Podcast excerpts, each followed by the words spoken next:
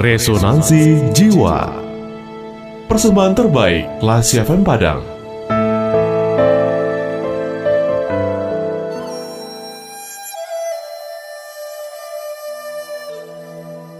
Mata Cinta Kopi Asin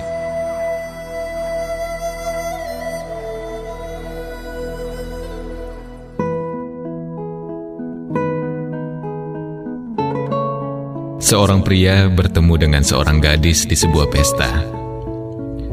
Si gadis tampil luar biasa cantik. Banyak laki-laki yang mencoba untuk mengejarnya. Si pria sebaliknya, tampil biasa saja dan tidak ada yang begitu memperhatikannya. Tapi saat pesta usai, dia memberanikan diri mengajak si gadis untuk sekedar mencari minuman hangat. Si gadis agak terkejut. Tapi karena kesopanan pria itu, akhirnya ia mau untuk diajak pergi. Mereka berdua akhirnya duduk di sebuah coffee shop. Si pria sangat gugup dan tidak berkata apa pun. Si gadis yang merasakan ketegangan itu, kemudian ia pun berkata, "Tidakkah kita lebih baik pulang saja?" Tiba-tiba pria itu berkata untuk pertama kalinya sambil melambai pada pelayan. Bisa minta garam untuk kopi saya? Semua orang yang mendengar memandang dengan aneh ke arah pria tersebut. Si pria jelas wajahnya berubah merah. Tapi tetap saja ia memasukkan garam tersebut ke dalam kopinya dan dengan tenang ia meminumnya. Si gadis dengan penasaran bertanya, Kenapa kamu bisa punya hobi seperti ini?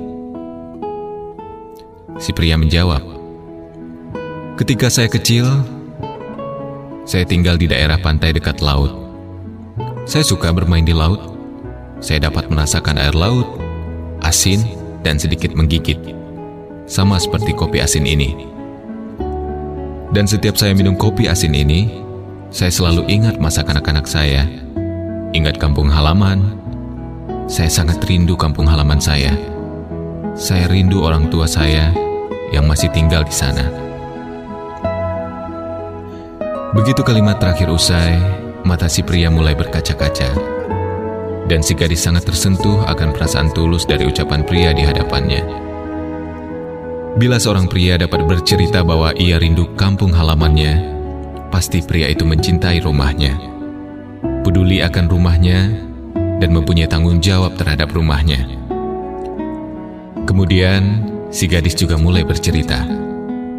Bercerita juga tentang kampung halamannya yang jauh di sana, termasuk masa kecil dan keluarganya.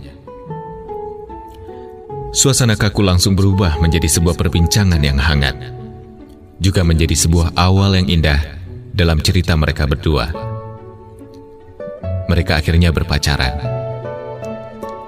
Kemudian cerita berlanjut seperti layaknya sebuah cerita cinta.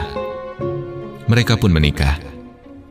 Dan setiap saat membuat kopi untuk suaminya, ia selalu membubuhkan garam di dalamnya, bukan gula. Karena ia tahu bahwa itulah yang disukai suaminya. Setelah 40 tahun berlalu, si pria meninggal dunia dan meninggalkan sebuah surat. Dengan gemetar, si istri membaca surat tersebut. Sayangku yang tercinta, mohon maafkan aku. Maafkan kalau seumur hidupku bersamamu adalah dusta belaka. Meski hanya sebuah kebohongan yang aku katakan padamu tentang kopi asin. Kamu ingatkan waktu kita pertama kali jalan bersama?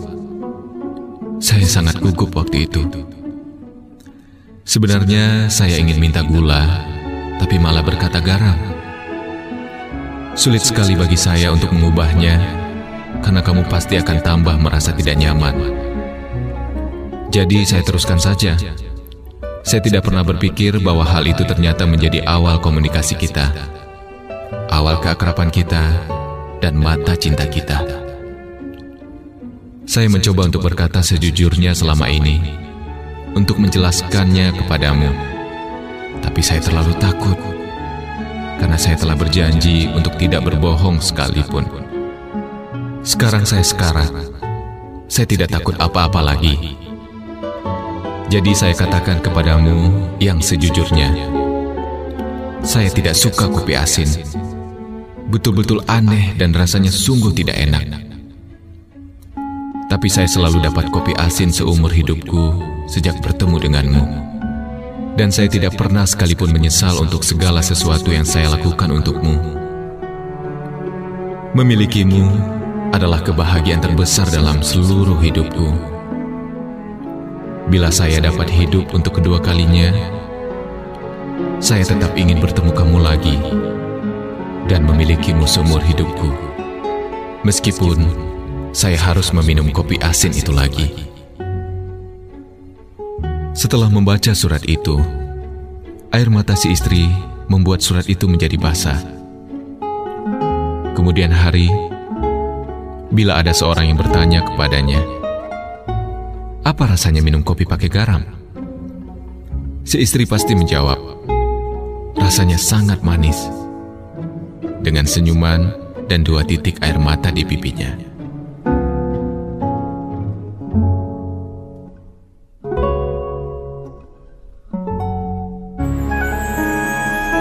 Baru saja Anda mencermati Resonansi Jiwa, persembahan terbaik Radio Kelas FM